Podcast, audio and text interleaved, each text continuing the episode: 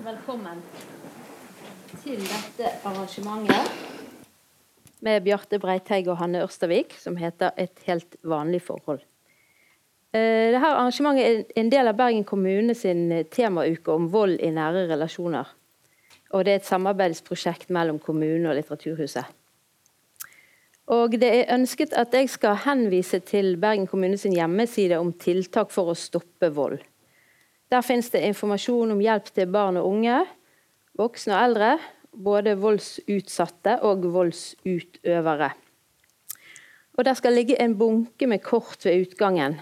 Ehm, du kjenner noen som slår med en nettadresse.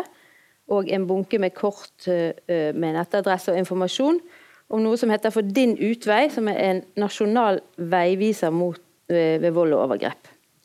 Så er det anbefalt et nettsted og en alarmtelefon for barn og ungdom som heter 111611.no. Og den som er utsatt for vold, kan også ta det opp med fastlegen eller legevakten, inkludert det som heter Livskrisehjelpen, og få råd og hjelp der. Eh, så skal det være noen av Bergen kommune sine arrangører her. Nå kan ikke jeg se det, men det er der! Dere var så nærmt at jeg så dere ikke. Så dere kommer til å sirkulere litt etterpå. sant? Dere står ute. Ja. Så da er det å snakke med de har svarte T-skjorter med gule, fine sånne. Um, så det var informasjonen fra kommunen. Og når det er sagt, så uh, har vi snakket litt om det at det er viktig å understreke at dette her er et litterært arrangement. At vi er verken fageksperter eller uh, noen slags sånn kyndige på den biten som har med forskning og uh, vitenskap og, og, sånt å gjøre. Sånn at vi er her som litterære personer. og Det er jo òg en, en, kunnskap og en Får vi håpe i det, da. Som, eh, som eh, kanskje kan være litt annerledes enn den mer faglige kunnskapen. På Facebook-arrangementet for dette arrangementet så står det som følger. Hvordan formes identiteten vår av relasjonene vi inngår i? Hvordan oppstår det grenseoverskridende, det usunne og noen ganger det farlige i det vi trodde var helt vanlige forhold? Dette er temaer som er grundig behandlet i forfatterskapene til Bjarte Breiteig og Hanne Ørstavik. Eh, dere skal lese litt òg, det gleder vi oss til. Eller jeg gleder meg i hvert fall, men jeg skal si, presentere dere litt først. Hanne, du er født i Finnmark i 1969. Debuterte med Hakk i 1994. Og fikk ditt store gjennombrudd med den romanen som heter 'Kjærlighet', som kom i 1997. Etter det har du kommet med en lang rekke romaner som har fått stor oppmerksomhet, mange priser, og oversatt til ganske mange språk etter hvert. Eh, du skriver om mange slags mellommenneskelige forhold. Mann-kvinne-forholdet, selvfølgelig. Men også foreldre-barn-forholdet, begge veier. Både det fra barnet sitt perspektiv og fra den voksne sitt perspektiv. Hvordan er det å være et barn, hvordan er det å være en forelder. I tillegg skriver du om vennskapsforhold, om forhold til noen man beundrer. Du skriver også om terapeutiske forhold, søskenforhold, mange slags relasjoner som vi inngår i. Og du er kjent for eh, flere ting, da, men eh, bl.a. for ikke å være redd. For å være ganske eh, modig når det gjelder å pirke i mørke, ubehagelige tema, ekle tematikker kanskje. Og kanskje spesielt ved seksualiteten, men også har du skrevet om selvmord, selvforakt, destruktivitet og svik i mange ulike former. Var det en beskrivelse du kan kjenne deg igjen i? Takk, Grete. Mm. Så er det Bjarte Breiteig, født i Kristiansand i 1974. Debuterte med novellesamlingen 'Fantomsmerter' i 1998 etter det har du skrevet to kritikerroste og prisbelønnede novellesamlinger til, før første og hittil eneste roman, 'Mine fem år som far', kom for to år siden. Uh, og Den romanen handler bl.a. vil jeg si, om et seksuelt overgrep begått mot et barn. Uh, og Når jeg sier at den bl.a. handler om det, så er det fordi at på en måte så er ikke det hovedsaken i romanen. Det tar ikke så stor plass i altså tekstmengden. Men, eh, likevel så er det et så tungt eh, tema da, at det tar ganske mye plass i og med bare å være til stede. Eh, men vi får også innblikk i, i flere andre parforhold i den boken. Uh, alt fra ganske sånn uskyldige tenårings forelskelsesforhold som utvikler seg i ulike retninger. Vi har dragninger mot det mørke, mer sånn outsider-personer. Og der er helt vanlige, kan vi kanskje si. Nå har jeg lurt veldig mye på de siste dagene. Hva er egentlig vanlig? Det håper jeg vi skal si litt mer om. Men vi kan foreløpig i hvert fall si vanlige småbarnsforeldreforhold. Og eh, så oppdaget jeg nettopp at jeg har ikke gjort leksen min, fordi at du har også nettopp kommet ut med en essaysamling, og den het Den andre viljen. Den andre viljen. Det eh, det siste du har gitt ut. sant? Ja. Da skal dere få lov å lese litt.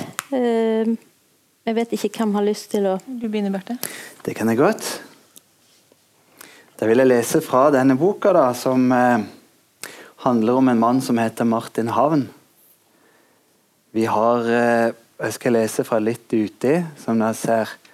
Jeg tenkte Det var veldig vanskelig å finne en bit som skulle illustrere dette temaet. for på en måte så vet en aldri helt hva det handler om, det en skriver om. Så det er mulig det blir på en måte litt sånn på sida. Men det vi har fått vite om eh, den som er fortelleren her, det er at han eh, eh, han har begått et seksuelt overgrep mot eh, dattera til ekskjæresten sin. Det er ikke med i den biten jeg skal lese nå. Den handler om litt tilbake i tid, før dette skjer. Men som lesere så vet vi på en måte at det har skjedd. da. Her har han da pappa til Han, har fått, uh, han får etter hvert to sønner. Martin Havn. Han er på mange måter vil jeg si, en, en god far, selv om han, har, uh, han begår noe katastrofalt. Ødelegger sitt eget liv langt på vei. Uh, men han har også mye varme i seg, og jeg har lyst til å lese noe som kanskje illustrerer litt, uh, litt det. da. Her har han da uh, fått sin første sønn, uh, og er liksom nokså nybakt pappa. Jonas lærte å si pappa før mamma. Riktignok kunne han i en periode også peke på andre menn og si 'der, pappa', før ordet festet seg utelukkende til meg. Når jeg kom for å hente ham i barnehagen, studerte jeg ham i smug gjennom nettinggjerdet for å se forandringen han gjennomgikk i det jeg ga meg til kjenne. Han strålte opp, glemte det han syslet med, og kom straks løpende mot porten med armene utstrakt. Det er pappa min! Det er pappa min! Etter en hel dag med lek og sang og matpakkespising i sola, etter alt det spennende de ansatte hadde funnet på for ham, var dette likevel dagens høydepunkt, som det også var for meg øyeblikket da jeg skulle løfte ham i været mens han lo og holde ham inntil meg. En uke før jul, året før Jonas fylte to, reiste han og Gina hjem til foreldrene hennes. Hun kjente til ambisjonen min nå, og ville gi meg noen uforstyrrede skrivedager hjemme før jeg kom etter. Det var jeg takknemlig for. Jeg kjørte dem til flyplassen og tok avskjed. Jeg sto igjen i hallen bak glassveggen og så dem fortsette inn i sikkerhetskontrollen. Gina var gravid, og magen bulte så fint da hun trakk av seg kåpa. Jeg ventet på at Jonas skulle vinke til meg en siste gang, men han snudde seg ikke. Han må ha sagt noe morsomt, for vaktene brøt plutselig ut i en lydløs latter, og en av dem bøyde seg ned og kilte ham litt på magen. Så forsvant Gina og Jonas hånd i hånd innover mot vrimleområdet. Jonas fremdeles gomlende på eplebåten jeg hadde stukket til ham et par minutter tidligere. Hjemme syntes jeg det var usedvanlig mørkt da jeg steg ut av bilen foran rekkehuset, men jeg kunne ikke sette fingeren på om noe var annerledes enn det pleide. Klokka kan ikke ha vært mer enn syv, men det kjentes som midnatt. Inne hadde desemberkulda allerede krøpet inn i rommene. Jeg hadde stilt ned varmen på alle panelovnene samme morgen, tenkt at jeg skulle redusere strømforbruket mens jeg var alene. Jeg stekte en frossen pizza og spiste den ved kjøkkenbordet mens jeg så på et bilde av Jonas som Gina hadde hengt på kjøleskapet.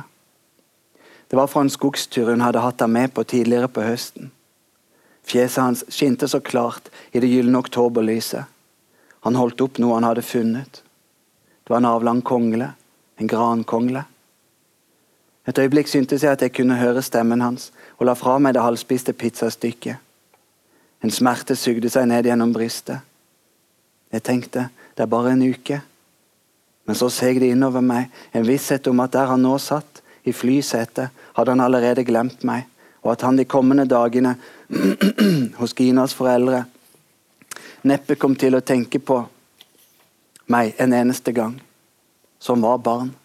De savnet ingenting så lenge de ble underholdt. Jeg bar bort pizzaen, ute av stand til å få i meg mer. Neste dag og i dagene som fulgte, var savnet en konstant smerte i kroppen. Jeg greide ikke å skrive. Jeg holdt senga til langt på dag.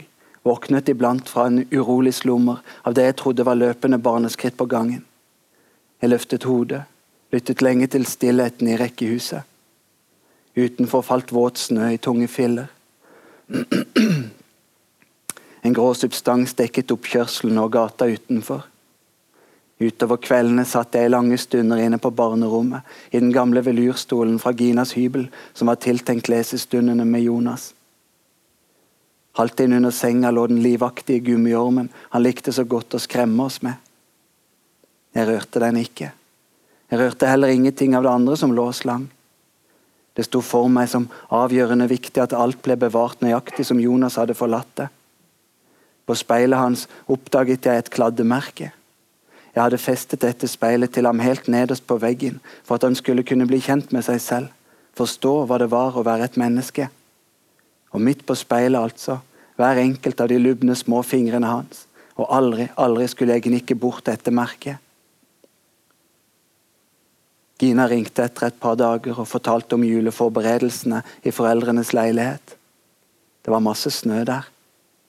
Jonas lagde pepperkaker med mormor, fortalte hun. Men vi gleder oss til du kommer.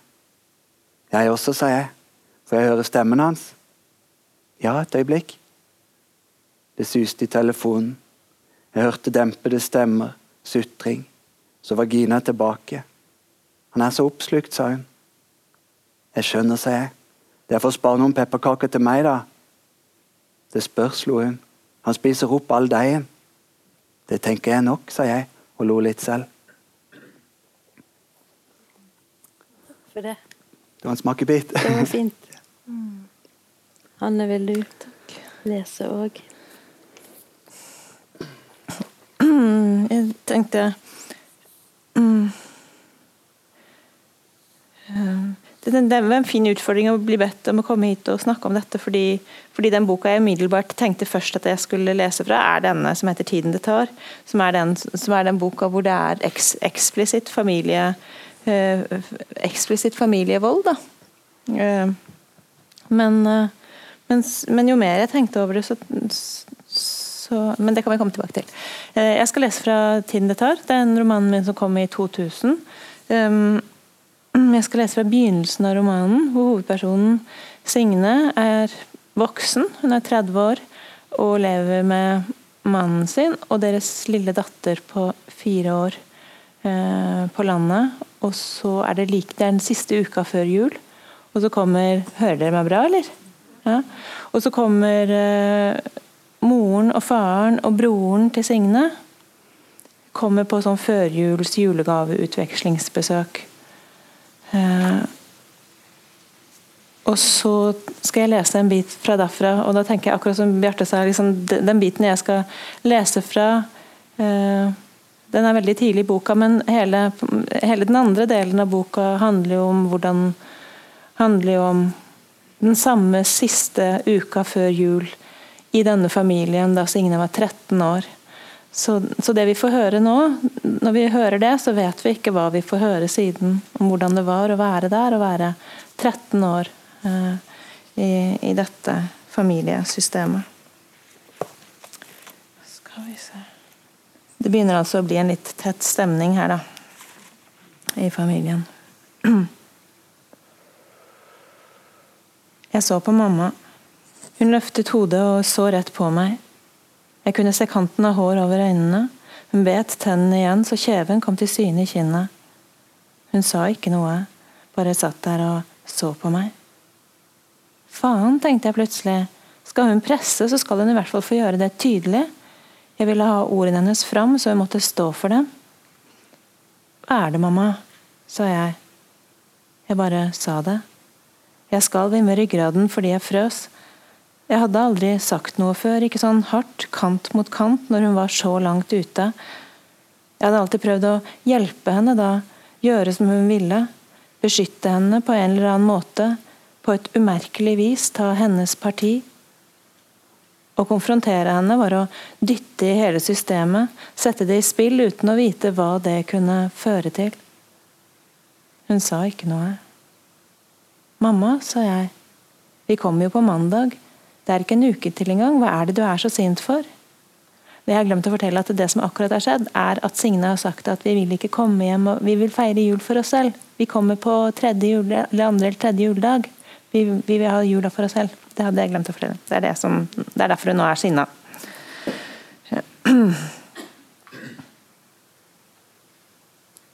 Vi kommer jo på mandag, det er ikke en uke til engang. Hva er det du er så sint for? Hun åpnet munnen. Jeg er ikke sint, sa hun sakte, som om hun kjente etter mens hun sa det. Mamma, sa jeg, du er jo helt rasende. Alle var stille. Ingen rørte på seg, alle lyttet.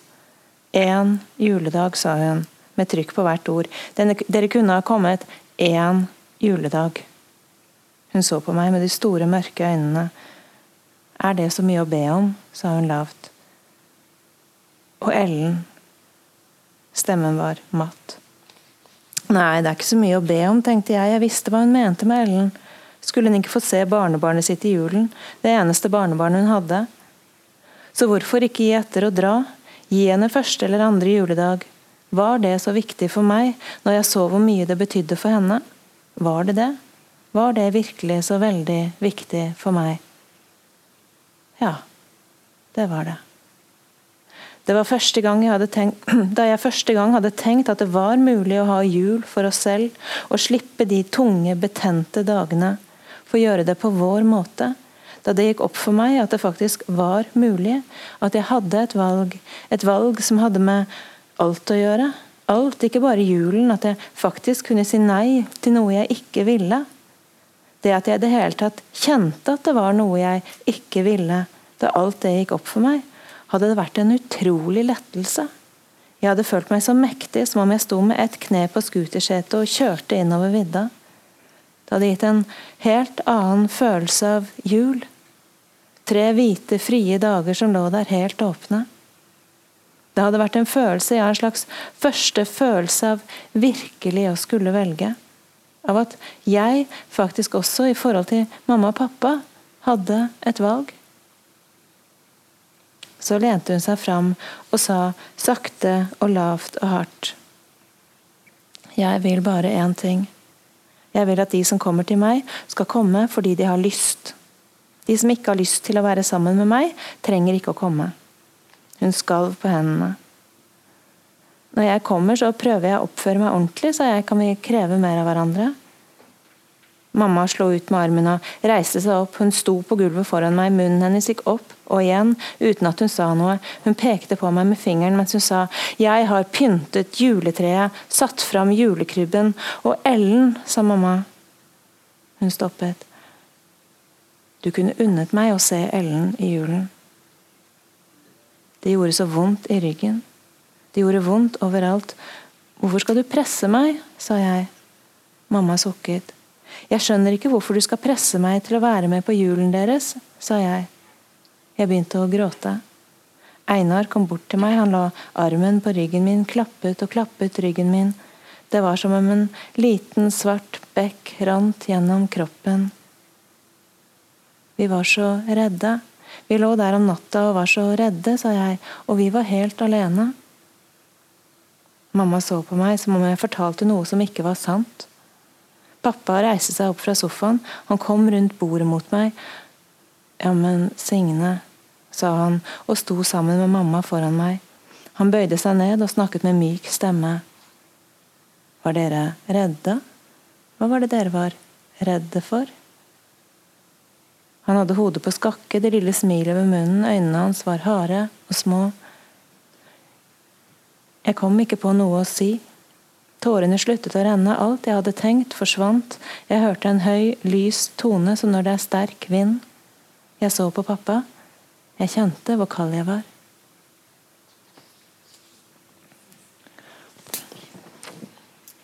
Nå ble jeg sittende og tenke på jul. Det var jo egentlig litt pussig at dere begge to har valgt å lese noe som handler om oppbygning og forberedelse til jul, og vi er jo òg i den perioden her og nå. Eh, og det er jo en typisk sånn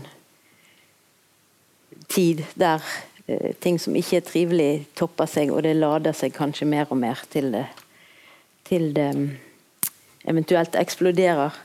Ellers så eh, Jeg tenkte litt på det med familie, måten dere beskriver Skal jeg snakke høyere? Ja, kanskje jeg kan bare flytte, og så kan de skru litt der bak òg. Var det bedre nå? Hallo? Ja. Eh, julen og familiene. Eh, den familien som du beskriver, som eh, du sa jo at han Martin Havn var en ganske god far og veldig sånn nær kontakt med ungene, sånn moderne nåtidsfar. Eh, og på overflaten triveligere enn de familiene du ofte beskriver, og beskriver der, det er gjerne familier der det er ikke noen god stemning. altså Det er ganske sånn klaustrofobisk og uh, Det skal ikke så mye til. Det er noen uskrevne regler som man ikke må bryte, og det er noen miner som man ikke må trakke på, som man ikke alltid vet helt hvor ligger. Um, den interessen for familien Tenker dere at det her er representative familier dere har beskrevet? Altså er det, er det på en måte sånn det kan se ut i de norske tusen hjem? Kanskje? Jeg føler min familie er nokså typisk, bortsett fra at han har begått en handling som er verre enn det de fleste ender opp med å gjøre. da.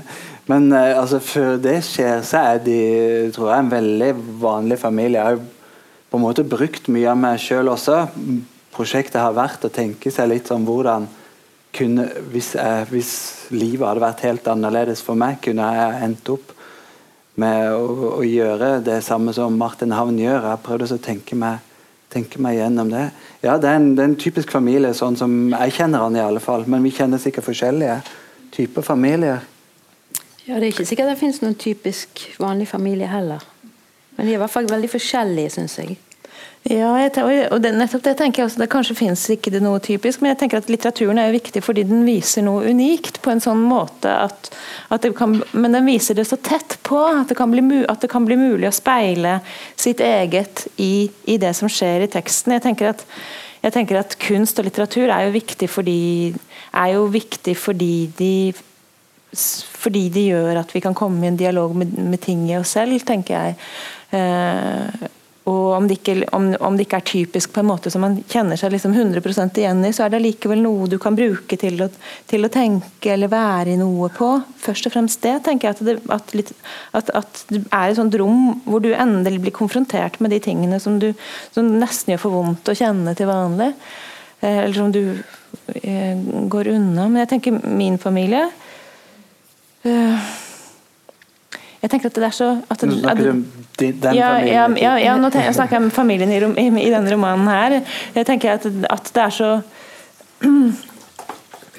Og at det jo er noe av det som er med familier, er at de er jo uh, At de er jo så lukka fra utsiden at du må liksom inn. Eh, og når kommer du inn? Og, og kanskje er det også det at romanen Du kommer inn i, altså Derfor tenker jeg at det er en fin ting å ha arrangert altså, også den litterære inngang til dette. Mm. Fordi, fordi litt, jeg tror at kanskje er det, kanskje er det Kanskje er den samtalen vi har stille alene for oss selv med en bok, en av de, en av de mest oppriktige uh, og dypeste samtalene vi har med oss selv. Uh, uh, gjennom å ha det med, med, det vi leser. Men i denne i denne boka så tenker jeg at, det handler veldig veldig mye om hvilken sannhet får lov til å finnes. Hvem, hvem får fortelle fortellingen om hvordan det var i denne familien. Hvilken, hvor, mange, hvor stor plass hvor, hvor, hvor, måte, hvor romslig er denne familien for som Når Signe sier at vi, var, vi, lå der og vi var så redde, og så, og så, så, er det som om det ikke var sant. Mm. Eh, og jeg tenker at Det er, er også en sånn erfaring av voksne sånn, Kampen om på en måte hva, hva, hva var sannheten? Hva, hva, er sant hos oss? hvilken og hvis, og hvis, ikke din erfarte virkelighet som barn får finnes, så finnes jo ikke du heller. Så da er det noe i deg som blir helt usynlig borte. Um, ja. Mm. ja. Det gir mening, syns jeg. Um, tenker du da at um, selv om man ikke kan kjenne seg igjen sånn at det var ikke sånn i min familie eller vår familie, eller sånn, så, så er det likevel noen punkt eller noen stemninger eller noen følelser som man kan på en måte kjenne igjen likevel, og kanskje få en slags trøst eller lære noe, eller at det, det å se f.eks. denne familien her, da, hvordan de hadde det, det kan på en måte være til hjelp. Jeg, tenker at litteratur nettopp gjennom å være et sånt værensrom, et sånt, et sånt nærmest et sånt eksistensielt sted, hvor du, hvor, hvor du endelig kan gå inn og, og få, få vært med de følelsene som du ikke får tak i fordi du ikke finner ord for dem eller ikke har en fortelling for dem, eller noe sånt, så, så, så kan, kan, romanen være et sted hvor du kan få vært, vært med disse følelsene. Og, øh, og, vært med den erfaringen. Jeg tenkte veldig mye på det mens jeg skrev, mens jeg skrev 'Tiden det tar', fordi når romanen går tilbake og er er i denne siste uka før jul, da Signe var 13 år, så har disse sånn gjentakende sånne familiemøter, som de kaller det. Veldig sånn terapeutisk, pedagogisk eh, far i denne familien som, som har et sånt prosjekt om at de skal sitte og ha en sånn stor rød bok hvor alt skal noteres ned, og det går på omgang.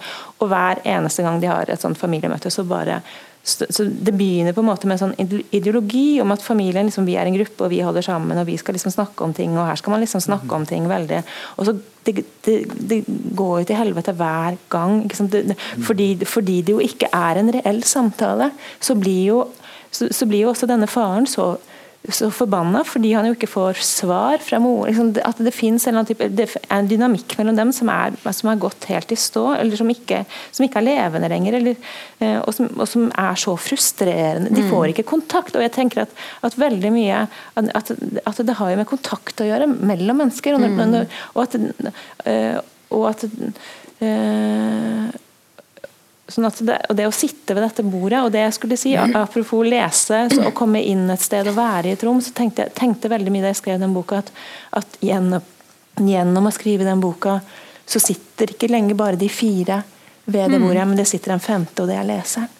Og at det å være, det på en måte, å være vitner er jo også det å, å lese mm. bøker, er å være vitne, men også å på en måte få speilet, få noen til å vitne sitt eget når en leser, mm. at boken også kan bli et vitne for en selv. Det er liksom påminnelse på hvilken eh, makt en har som forelder, syns jeg, når du sier det du sier nå. Jeg er jo eh, familiefar, da. Så har man jo veldig lyst at eh, familien skal være god. Ikke sant? Du vil at det skal være lykke. I vår familie så har han lett for seg Jeg vil jo at det skal være fortellingen om vår familie. Mm. Det er den lykkelige Jeg har en idé om hva som er spesifikt for vår familie, så vil jeg gjerne at det skal være det. Og Hvis det er noe som på en måte kommer på sida av det, så, så, har man lett for å ja, Det passer ikke inn i ja, fortellingen. Da holder du det utafor. Men det er maktutøvelse også. Ja, og det syns jeg du sier dynamikker. Sant? og sånn, så, Sånne ting som gjentar seg, sånn som de møtene. Vi, vi, kjenner jo alle at nei, nå er vi her igjen. Sant? I noen sånne, altså De mønstrene som blir sånn tvangsmessig repetisjon. For vi ønsker egentlig ikke å komme der med noen, men men eh, så havner vi der likevel. Og Det syns jeg jo dere er gode på begge to. det her med at det er ikke noe enkelt. Det er ikke noe 'den helten, den er skurken'. Det er veldig sånn komplekse sant? Du beskriver både den direkte volden, altså fysisk, men òg en slags indirekte. altså Makt er ikke bare den altså der er en, ja, Makt og vold finnes på mange plan. Og du syns jeg òg har det her komplekse, for nesten alle personene dine har noe, sine svin på skogen og sine Eh, mindre heldige sider som de enten prøver å skjule eller eh, og, og det, Men det selvfølgelig som er veldig spesielt med din bok, det er jo det at eh, han her Martin han faktisk er skyldig. For når jeg begynte å lese den, så Det begynner jo nesten som en sånn krimbok. sant? Altså De sitter hjemme og spiser makrell, og hva kan være mer med litt for mye steikeos, så de må lufte og sånn, og så kommer politiet på døren. Og, og han her Martin, som da forteller i jeg-form, eh, fremstår jo som, ikke som noen skyldig. Det er jo det som er på en måte det originale grepet på mange, på mange vis. Og Så så jeg sånn intervju med deg på Brenner og bøkene, og der sa du at du hadde jobbet i syv år med boken før du skjønte at han måtte være skyldig, var det det? Ja. For du, vil, eller du tenkte at han, han Ja, var jeg- utsatt for altså, Jeg skrev den boka fordi jeg var em, fascinert av historien til han Ulf Hammann, som eh, alle trodde var veldig skyldig i den store Bjugn-saken for mange år siden. Og, og som uh, senere ble reinvaska, eh, men som lenge levde med den skylda hengende over seg. og det, det gjorde så inntrykk på meg å, lese om han som ble liksom løslatt fra varetektsfengselet og ikke hadde råd til ferja hjem og måtte gå og spørre naboene om å få låne penger, men ingen ville låne penger til ham for det. du er han der eh, som har gjort dette her. Så, så det var på en måte utgangs... eh, Ut, utgang, men så, så ville jeg at han, altså Jo mer jeg skrev om han, jo mer eh, merker jo at eh, han, eh, han Det viste seg at han har et eh, forhold til ekskjæresten sin, annet, som, som er deprimert, og som han, han trøster henne, men han også utnytter henne seksuelt. da. Eh, eller bruker den trøsten til, å ha et forhold til henne på si. Så han var en sånn han fikk noe sånn grenseløst ved seg. Og, og jeg skjønte altså det, som, som du sa, så har jeg jobba med det i sju år før jeg kjente at det er et eller annet som ikke stemmer i denne romanen. her, så Du hadde på en måte skrevet det inn men Han er jo skyldig, og da, da faller det på en måte, da faller han på plass. da. Så det var en konsekvens av det du Ja. allerede hadde skrevet? At Ja, du skjønte ja, det. Men, da det er måtte jo du på en måte møte noen litt sånn grumsete sider i deg sjøl og begynne å utforske de.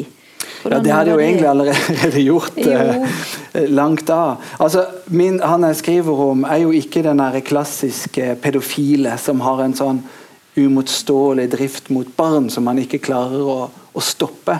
Han er, ikke, han er ikke den typen, men han er en eh, som, som er grenseløs. Han har eh, og så har han en dragning mot å ha noe mørkt i seg. Han opplever nok seg sjøl som en nokså flat et flatt og uinteressant menneske, tror jeg. Ja, for han sier det et sted ganske med rene ord at han var ikke noen typisk overgriper.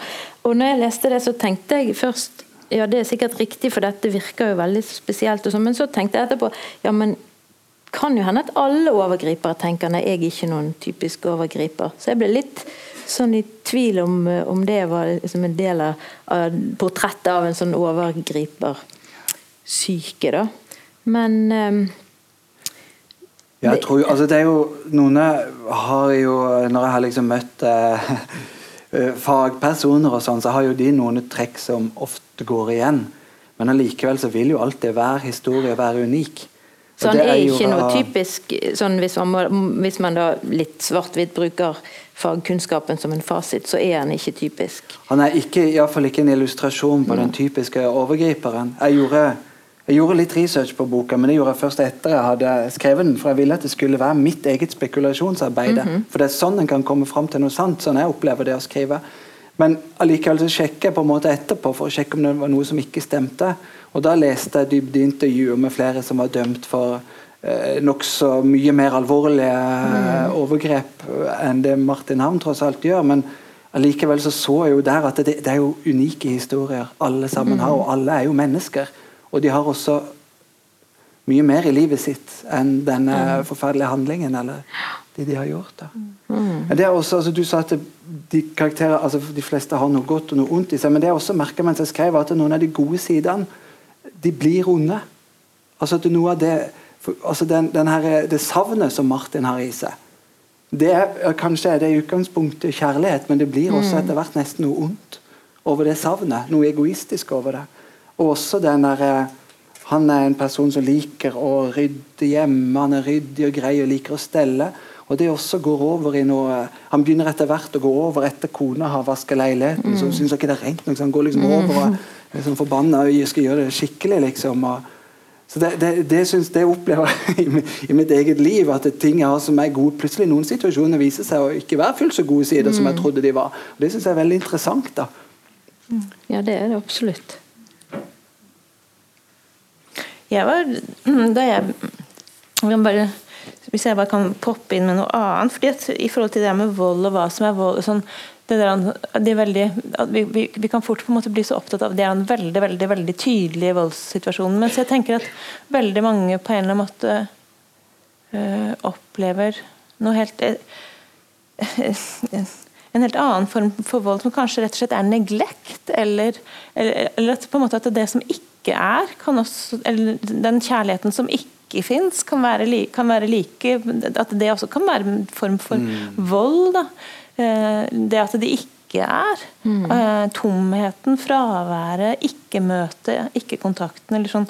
Det, det, det jeg skrive, det, det jeg holdt på å skrive den, den boka som heter 'Kjærlighet', som handler om mor og en sønn en vinterettermiddag og kveld og natt, og det er kaldt og mørkt, og de går ut hver sin vei i denne vinterettermiddagen og kvelden og natten. Kvelden før han har bursdag, og, og, og hun glemmer bursdagen hans. Uh, Eh, så, så, så, var jeg veldig opptatt av at det skulle være en roman som også Jeg var veldig opptatt av hva er kvinnelig vold? Hvordan ser kvinnelig mm. vold ut hvis, hvis, hun ikke slår? Hva, hva, hva, kan det være? For det er noen forskjeller der. Mm. Selv om det kanskje er litt sånn i vår likestilte tid nesten sånn som man ikke kan si høyt, så, så er det jo, i hvert fall i dine bøker, da, ofte faren som direkte slår, mens moren som har natige kommentarer. Og i den boken er det jo bare den der Iskalde. Men jeg tenker, men jeg tenker at på, på, sett og vis så er det en i disse tre Kjærlighet og sånn som jeg virkelig og tiden det tar, som på en måte er liksom mine tre familieromaner, så, eh, så, så, så, tenker jeg at det er en veldig parallell i tenker i hvert fall jeg da, i, i, i, i forholdet mellom foreldre og barn på den måten at foreldrene har aldri gjort gyldig barnets erfarte virkelighet det, det, har aldri vært noen speiling av barnet, sånn at barnet har kunnet få kjenne at det jeg kjenner, er sant. Og Hvis du vokser opp med en ganske massiv form for ikke-speiling, så blir du til slutt ingen. Mm. Fordi den, den, Du slutter å kjenne deg selv, du slutter å kjenne hva du kjenner. Du slutter å føle Du aner til slutt ikke hva du føler, fordi hver gang du sa du var lei deg, så, så, var det noen som kan, du sluttet veldig tidlig å si det fordi, fordi du fikk jo Det ble jo ikke hørt. Eller, mm. eller, noen sa at ja, men du kan jo ikke være lei deg, du som er så glad. Se på bildet, ditt, bildet av deg her borte, du smiler jo så fint. Du er, du er jo ikke lei deg. Og så, ja, men Kanskje er jeg ikke lei meg, men hva, hva er det jeg liksom, så, så, blir det bare rot. og så til slutt så slutter du det, til slutt så, så, blir det bare tomt. Der hvor det skulle vært et jeg som kunne sagt at nei, her er mine grenser, du får ikke gjøre sånn mot meg. Og så fins du til slutt ikke mer. Du blir på en måte bare en som leverer leverer omsorg, eller leverer å ta vare på, eller leverer et eller annet. Men du fins ikke, du vet ikke mm. noe om hvem du er. og jeg tenker at det er også, Så går man rundt, og da kan man bli ganske farlig i samfunnet. Jeg tenker på ABB, liksom. Anders Behring Breivik. Liksom, man vet jo ikke noe om han, men det, det går jo an å spekulere liksom, i, i hvilken grad har vi blitt, Er vi tomme? Er vi fulle? Liksom, er, og er det tomt der inne, så kan du nesten gjøre hva som helst, fordi du har ingen kontakt med med, med, med, et eller annet jeg. Som kan, du har ikke kontakt med følelsene dine fordi du har måttet kutte dem av. Og, og jeg tenker at Det er farlig, og, da, og da, man, da, blir man jo farlig voksen. Da blir ja, man jo farlig voksen. Hvis jeg kan bare skyte inn, bare ja, løfte, ikke løfte det sånn, men, men, eh, da er vi ikke lenger på individuelle livshistorier, tenker jeg. Da snakker vi om noe trekk ved vår tid og vårt samfunn. Som er Ikke nødvendigvis. Tror du det? Tror du ikke det? Nei. Jeg tror altså, det har funnet ser, sånne kall ja, det har helt sikkert funnes. Og, og alle, altså, incest, overgrep, voldtekt eh, alt, det har funnes. Og selvfølgelig, i tidligere tider var det mer eh, tabu rundt det, så der mørketallene var sannsynligvis store. Men det kan vi på en måte aldri få vite noe helt om. Fordi det ble ikke rapportert. altså Det fins ikke kilder. Men nå, nå, lever vi i vår tid. Og hvis vi ser rundt oss, så er jo det, det er jo utrolig mye dritt, altså. Folk sliter på alle plan. Hvorfor må Bergen kommune ha en hel uke? i verdens rikeste land og bla, bla, bla. Altså, Da er det ikke lenger individuelle problemer, tenker jeg. Da er det noen strukturelle problemer inne i bildet. Noe som sier noe om hvor Er det noe norsk? Er det noe Er vi eh, nordmenn Legger vi så mye lokk på følelsene våre av en eller annen grunn? Altså, er det, er det noe med at det er farlig Altså, er det det er lov å spekulere fritt her. Det er kanskje en litt enkel forklaring, men jeg tror det henger mye sammen med det at vi lever i individualismens tidsalder. At det er du som er den viktige. Om du blir flaska opp til å si at det er jeg. Det er jeg. Det er du som forbruker. Og Hvis du mm. da som Hanne sier, ikke har det jeg er, så faller du helt utenfor. Mm. For Det er det jeg er som er så viktig. Det er på en måte alt du har å klamre deg til.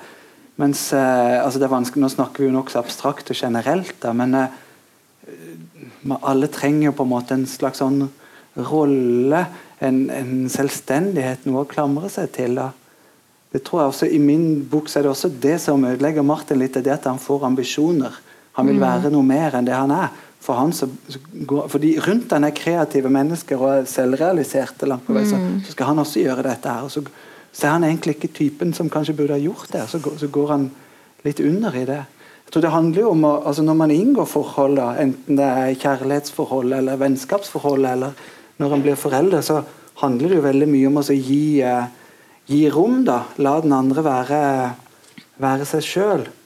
Eh, jeg husker en linje av poeten Terje Johannessen som har gjort sånn inntrykk på meg. Eh, For å elske meg må du også elske det i meg som ikke elsker. Og det er jo en sånn Mm. også, at Du trenger ikke å ta all plassen hos den andre. Det kan være noe igjen der som ikke er ditt. Mm. Så kan det allikevel være en sterk kjærlighet. da. Så individualismen er ditt, eh, din eh, tese på Ja, jeg vil ikke Hvis vi skal si lage noen enkelt, men jeg tror, veldig tror, store- Jeg tror det har noe med det å gjøre, da, i alle fall. Men det er mange Nei, jeg er villig til å kjøpe den, altså. Hva sier du, Hanne? Du, du var litt skeptisk til om det var Nei, men jeg, jeg vet ikke jeg, jeg er så Jeg, jeg, jeg, jeg er Jeg, jeg syns det er så vanskelig å snakke om systemer fordi, fordi da mister jeg liksom tak i alt. Fordi jeg tenker at det er hver enkelt smerte er så stor. Mm. Og jeg klarer liksom aldri helt å liksom få det til å bli et system av det. Men, men jeg tenker mye med arvesynd, sånn, sånn som jeg sa. at Har du vokst opp har du vokst opp og ikke blitt sett og, og på en måte måttet gjøre sånn Måttet gjøre Måttet på en måte liksom ikke ha fått plass til å finne ut av hvem Sånn at det, at det er tomt inni deg. Sånn, hvem er du da til å elske? Og, liksom, og hvordan skal du liksom komme ut av den spiralen? Hva slags mamma blir det? Jeg husker da jeg tok psykologi, en, psykologi grunnfag, så var det en sånn utviklingspsykolog som heter Stein Ringen som var der, og da sa han, og det gjorde sånn inntrykk på meg, for jeg kunne ikke forstå det da, men nå skjønner jeg det kjempegodt. Men han- sa at du lærer å være mor. Du lærer å være mor når du har spedbarn.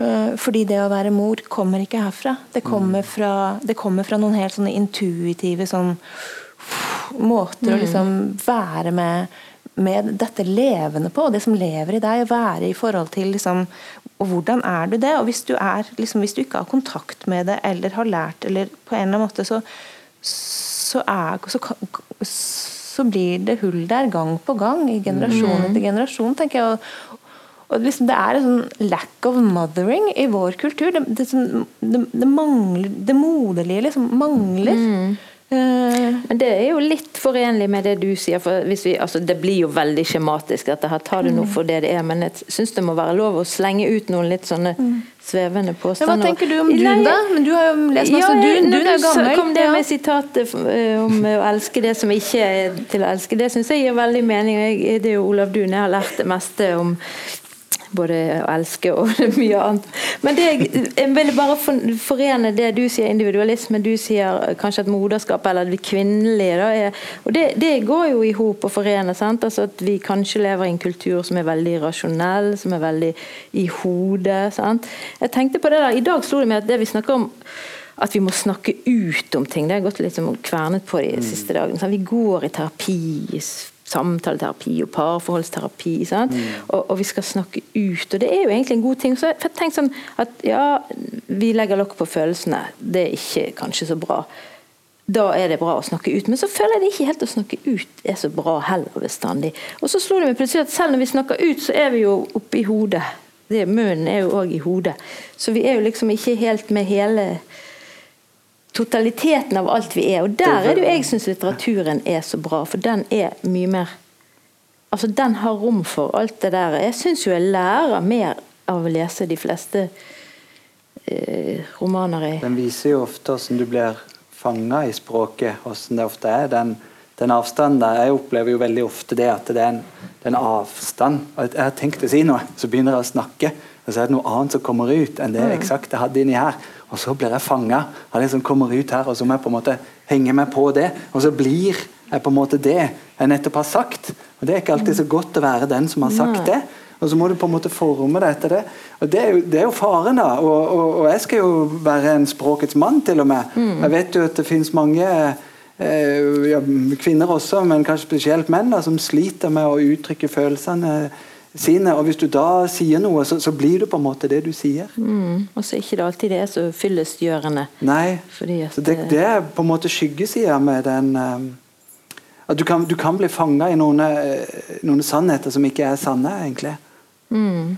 Men også tenker jeg det der å våge å være nærværende. eller sånn, jeg tenker at, at, det, at Først og fremst så tror jeg det handler om kontakt. og så, nå, Jeg har liksom blitt det store tomhetens uh, tals, talsmann i, i, kveld. Men, men, men, men hvordan, hvordan gi kontakt hvis ikke du har noe sted å snakke. Du kan jo snakke og snakke, og snakke, og snakke, men du vet jo ikke om det du sier er gyldig. Da tenker jeg at litteraturen når, at det litteraturen gjør, det handler jo om følelser, og det når oss følelsesmessig. Og, og vi må jo dit for å, være, for, for å, få kontakt med det det gjelder. For, det, for å, å liksom trenge gjennom liksom ismuren og isveggene og, og glasset og alt det der som passer på oss og holder oss til, til stede.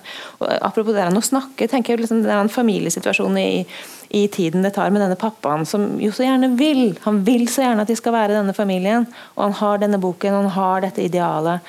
Jeg tenker også som eh, din, din Martin, liksom det der med å ha å ha et ideal, og, og, og, eller lage seg noe du vil, og så får du det ikke til, og så blir du så frustrert at, du, at det bare knuses. Men, mm.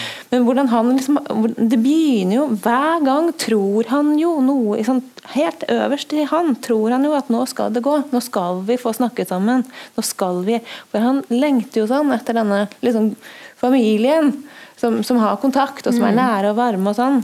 Og så, og så sitter sitter liksom, i denne romanen i hvert fall, så sitter det liksom denne mammafiguren der og sier ikke et jævla ord. Og han blir jo bare mer og mer og mm. mer forbanna og mer og mer og mer frustrert. Og, og det tar jo ikke lang tid før han bare eksploderer. Ja. Og det er jo? Det er jo helt forferdelig. Men, men, men, men, det handler jo om noe annet enn hva de sier. De kunne sagt hva som helst. De kunne sagt de mest perfekte ting. Men hva er perfekt? Eh, fordi liksom, Det må jo gi kontakt. Er det noe vi trenger, så er det kontakt. Liksom, og, den, og den kan jo skje liksom ja, det var akkurat det jeg satt og tenkte på, sånn liksom. berøring. Men altså, ja. her sitter vi og snakker og snakker og snakker. Det, vi har, har, jo ikke så mye annet å gjøre. Men det vi egentlig er på sporet av, det, det er jo at vi kanskje burde snakke litt mindre. Kanskje vi burde ta på hverandre litt mer. Eller hva, hva Altså, dette er jo nå er jeg heldigvis bare trenger bare å spørre her. Hvis det hadde vært to eh, menn og en kvinne nå Ja, det har ikke sett så pent ut. Men altså, nei, jeg har jo lov å spørre. Hva skal vi gjøre? Er det noen råd vi kan gi for å unngå hat og eh, svik og utroskap og vold og, og destruktive Altså, er hva, dere er jo kloke folk, dere har tenkt masse og følt masse og sondert dypt i menneskelige grunner, ned i grunnvannet der. Er det noe har, jeg, i, i, mitt voksne liv så har jeg hatt to eh, forhold. Eh, og Det ene ble veldig sjalusibasert, og det andre ble ikke sjalusibasert i det hele tatt. Så jeg har av og til lurt på Altså fra din side? Ja, nå snakker jeg personlig. Så du var sjalu i den ene? Ja, jeg var helt sinnssykt sjalu. Jeg fortalte, hvis noen hørte meg i sommer, så snakka jeg litt om det på radioen. Jeg ble litt personlig og fortalte om hvordan jeg overvåka e-posten. Jeg hacka meg inn på e-posten eh, hennes. og Eh, men mistankene mine var jo rette, da. liksom. Hun hadde jo en annen eh, som hun var blitt forelska i. Eh, men eh, det var sjalu lenge før det. Eh, altså vi, det, det, ble en mistillit der. Ja. Eh, mens i det forholdet jeg har nå, som jeg har hatt lenge, og som er med den kvinna som er helt overbevist om jeg kommer til å være sammen med til jeg dør, er det veldig liten sjalusi. Jeg lurer på hvorfor. Og så tror jeg at det er fordi at vi var eh, åpne mot hverandre med en gang om det som var utilstrekkelig. Eh, også, altså, mens i det første sjalusibaserte forhold der ble det veldig sånn, vi måtte hele tiden jeg måtte, følte jeg måtte late som jeg mer forelska enn jeg var. For å bevise. Og da ble alt falskt, liksom. Altså, du, man må tåle det der å være ærlig og si at jeg, ok, nå er ikke følelsene mine så sterke. liksom, er eller å åpne også de, de tingene ved seg sjøl som ikke er så attraktive. Mm. Og ha tillit nok til den andre og våge å vise de for at det skal bli en, en tillitsbasert mm. kjærlighet, og ikke en hyklersk kjærlighet. Nå trakk jeg det litt sånn personlig. Nei, men det er jo kanskje litt det, det jeg liker å tenke litt sånn hva er vår tid, og hva er sånn. og Det er jo noe med hva forventninger vi har, og, og det, det, er jo litt sånn For det var det en Dun-sitatet som jeg tenkte på i sted. Det er en som sier om uh, forloveden sin, han heter Trygve, eller hun tenker vel mer om han, da, og så tenker hun det var mangt hun ikke likte om, ved han Trygve. Hun trodde mest det var de for hun var så glad i han. Og det er jo litt sånn, det går jo litt kontrært, sant. Og Da, uh, men det er jo noe av det du er inne på, da, å ja. vise Så ærlighet, og det er bra. Da blir det gode forhold. Hva tror du det blir gode forhold av? Ja, hadde jeg hatt en oppskrift på det, så Så hadde ikke vi trengt de spaltene opp og ned i alle ukeblader. Det kunne de bare lagt inn. Ja. Nei, jeg, ikke om jeg vet helt. Men jeg har veldig tro på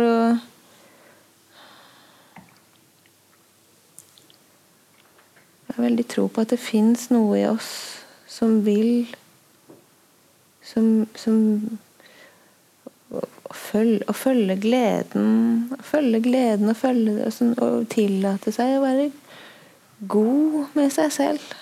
Mm. Jeg vet ikke, for å være helt ærlig. For, så jeg, var, jeg, så jeg var utrolig forknytt helt til jeg begynte i Rosen med Rosen Eller jeg begynte i psykomotorisk fysioterapi først, men etter hvert så begynte jeg å utdanne meg til rosenterapeut og fikk utrolig mye Både ga behandlinger, men fikk også veldig mye, mye Og det er sånn hands on eh, hud mot hud kropps... Og det var veldig oppvåknende for meg. Det, det var veldig Det hadde jeg. Mm. Eh, og var en veldig sånn trygg og god måte å liksom Og på en måte liksom bare liksom Gud, jeg har en kropp, liksom. Mm. Den kjennes sånn ut. Og, og øh, men jeg tenker at liksom hva er det egentlig vi snakker om nå? Hva er det egentlig vi skal gi råd om nå? altså På Facebook står det dette arrangementet handler om Nei, vi snakker om gode forhold, vi snakker om vanlige forhold, vi har snakket litt om vold og ja, vonde forhold. Ja, men hva som liksom skal Hva, ja, hva, hva kan gi gode forhold? Og, ja, jeg syns jo det kroppen å liksom kjenne etter. Det er jo jo, vi snakker om litteratur, men litteraturen handler jo også om livet, så vi snakker vel om eh, liv og alle mulige forhold vi har eller ikke har. Og... Ja, men jeg tenker, Vi snakker om å forstå noe. Ja, ja men jeg tenker, jeg, jeg tenker, veldig mye på det. Jeg tenker på de to siste romanene mine. som heter Det finnes en stor med plass i Bordeaux og på 'Terrassen i mørket', hvor begge de to handler jo da om en kvinne eh, både i et forhold og etter et, med kjærlighetssorg i den siste, da, som lever med en mann eh, som hun er utrolig glad i, men som ikke vil ha sex med henne. Sånn, hun vil elske med den mannen hun elsker, og han vil ikke ha sex med henne. Han vil ikke ligge med henne. Fordi han sier at han har et plutselig pornografisk begjær, og hun er ikke en som vekker hans pornografiske begjær. Hun er liksom utenfor. Så er det to forskjellige ting. Og så vil han gjerne holde hånden hennes og være liksom intellektuell og snakke med henne. Og så vil han ha sexen der, og den skal være noe helt annet. Eh, og det blir for henne veldig veldig, veldig vanskelig. Og i den Bordeaux-romanen så oppsøker hovedpersonen der diverse av de sånne kinky ting som han gjør, uh, uten at jeg helt skal si hvorfor hun gjør det, for det tenker jeg at det er det vel mange grunner til. Uh, og, mens hovedpersonen, som er antropolog, det er boken etterpå som utforsker en sånn postfase av en sånn type forhold, sånn etterpå, når etterbruddet, kjærlighetssorgfasen, hvor hun reiser som sosialantropolog til Malaga og prostituerer seg selv. Eh, fordi det av en eller annen grunn føles det helt nødvendig å gjøre etter å ha vært i en, sånn, en sånn relasjon. Eh, og da tenker jeg vel Og nå er jeg ferdig med å skrive eh, den romanen som kommer etter de to. Uh, og, og, og, noe av det jeg tror jeg har skjønt gjennom å holde på med den, tror jeg er at for å Og det, det høres så utrolig banalt ut, men at for å kunne være i et godt forhold, så må du ha det godt med deg selv. Du må være glad i deg selv. rett og slett. Elsk deg selv. Ja, det, Men de viktige tingene er jo gjerne banale. Så det ja, men du må liksom tillate deg selv at liksom, Du må tro at du er verdt å ha det godt. Du, du må på en eller annen måte opprette et godt forhold øh, Et godt forhold inni deg. Med, mm. Fordi at jeg tenker at vi kan ikke ha bedre forhold med en annen enn vi kan ha til oss selv. Og, og fortrenge, sånn, lever vi med masse vi ikke kan forholde oss til inni oss, så er, så, så er, det også veldig mye vi ikke kan være sammen med en annen i. Mm. Og da blir de liksom liggende sånn da, da, da, blir de levende i oss som, som, sånne plutselige skygger og greier og mørke og steder i oss som plutselig på en måte bare farer opp og tar over og flytter på ting og forandrer, og du har ikke oversikt. Men hvis du liksom så Jeg tror det handler mye om det, å tre i relasjon til seg selv. Så kan en også tre i relasjon til en annen. Men det er et ubeskrivelig smertefullt arbeid som jeg tror veldig mange Psykologen min sa en gang at det er bare de som må, som går i terapi. Og kan, klarer folk å la være, så lar de være, for det gjør så vondt. Men det er jo altså hvordan man kommer i den relasjonen til seg sjøl, er det jo helt sikkert på mange måter. Ja, og det passet egentlig veldig bra at du antydet litt om, om hva den neste boken din kommer til å dreie seg om, for det er jo noe vi ser frem til. For vi må tenke på å avrunde, og da kan jeg jo spørre deg til slutt, da, Bjarte. Hva, har du lyst til å løfte litt på fliken inn i løgndomskammer, og kan vi forvente noe mer fra din side som handler om gode og vonde og vanskelige og intense og vanlige ja, og uvanlige men kanskje forhold? på en litt annen måte. For det, det har skjedd mye i livet mitt de siste årene som har mye med hvor jeg har valgt å bosette meg, eh, og som har blitt et slags prosjekt. av at vi har bodd på Tøyen og oppdrar våre barn i et eh, område av Oslo som lenge har vært neglisjert, hvor det er veldig høy barnefattigdom og en av Norges største opphopninger av kommunale boliger, som gjør at det er kanskje overkant mye barnevernssaker. og Altså det er et vanskelig sosialt miljø som vi har valgt å bli værende i. Høy innvandrertetthet over, ja, og, og, at vårt barn har, går på en skole da, som lenge har vært en skole som alle som var født i Norge som oss, de flytta, flykta fra der. Mm. Eh, og så opplever vi det som veldig eh, rikt og åpnende, og det er blitt et slags sånn det er blitt et slags sånn kjærlighetsprosjekt for kona mi og meg. Det er noe vi gjør sammen. Er, det at vi bare lever et mest mulig vanlig liv her, og prøver å få kontakt med disse menneskene rundt oss, som er så forskjellige fra oss sjøl, mm. eh, det syns jeg er veldig spennende. Og fordi det som skjer, er jo at det, jeg begynner å føle litt sånn ansvar overfor en del av de eh, barna, og også de voksne rundt i vårt nabolag, som jeg ellers ikke har De er ikke i min familie i det hele tatt. De kommer et helt annet sted fra. Mm. Det er de man vanligvis vender seg bort ifra. Så plutselig så opplever jeg at jeg har en sånn ansiktsrelasjon til de, som gjør at jeg får et ansvar der. Og Den ansvarsfølelsen har jeg lyst til å utforske mer. da. Den er ikke noe sånn ren eh, godhet i det, men det er noe, noe som er veldig interessant og stimulerende på en sånn mm, det meningsplan. Det er jo på en måte i, men en ganske solid fot i en annen side av den virkelige verden enn vi har snakket om nå. Da. Mm. Samtidig liker jeg jo kjempegodt at du kaller det et kjærlighetsforhold. og det som er, handler om helt de der tingene der du bor. Mm. Så da kan vi jo i grunnen bare glede oss veldig mye til både det ene og det andre. Da vil jeg bare si tusen takk til dere, og tusen takk til alle dere som kom og hørte på. Takk.